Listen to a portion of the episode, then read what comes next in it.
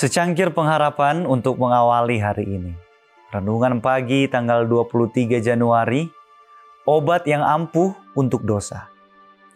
Yohanes 3 ayat 17.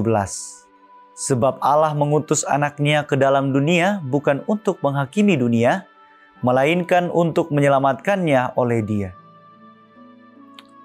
Kristus berkata kepada para muridnya, Kamu adalah terang dunia sebagaimana matahari terbit di langit untuk memenuhi dunia dengan terang, demikian pula para pengikut Yesus harus memancarkan terang kebenaran kepada mereka yang meraba-raba dalam kegelapan, kesesatan, dan tahayul. Tetapi para pengikut Kristus tidak memiliki terang bagi diri mereka sendiri. Cahaya surgalah yang jatuh ke atas mereka, yang akan dipantulkan oleh mereka kepada dunia. Terang kehidupan ditawarkan dengan cuma-cuma kepada semua orang. Setiap orang yang mau dapat dibimbing oleh sinar terang dari matahari kebenaran. Kristus adalah obat yang ampuh untuk dosa.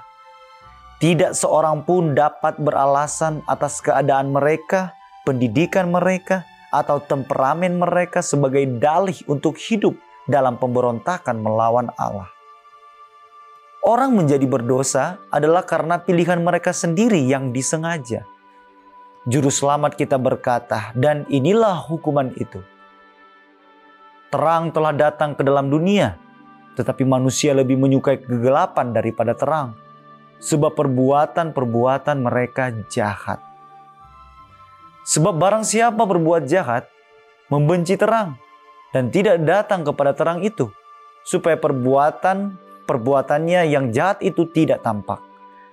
Ketika tuntutan Allah disajikan, mereka yang mencintai dosa menunjukkan karakter sejati mereka dengan kepuasan yang mereka tunjukkan terhadap kesalahan dan kekeliruan orang-orang yang mengaku Kristen.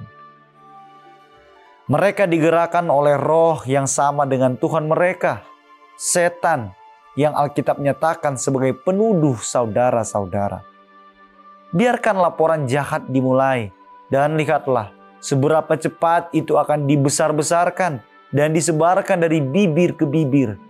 Berapa banyak yang akan menikmatinya seperti burung nasar di atas tumpukan sampah. Orang Kristen sejati, dia yang melakukan yang benar. Ia datang kepada terang supaya menjadi nyata bahwa perbuatan-perbuatannya dilakukan dalam Allah. Kehidupan saleh dan percakapan sucinya adalah kesaksian setiap hari melawan dosa dan orang berdosa. Dia adalah perwakilan hidup dari kebenaran yang dia akui. Terhadap para pengikut yang tulus hati ini, Yesus menyatakan bahwa ia tidak malu menyebut mereka saudara setiap orang yang pada akhirnya mendapatkan kehidupan kekal akan menunjukkan semangat dan pengabdian dalam pelayanan kepada Tuhan di dunia ini.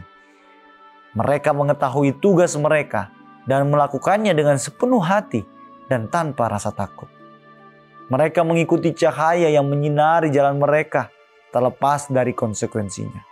Allah kebenaran ada di pihak mereka dan tidak akan pernah meninggalkan mereka doa kita hari ini.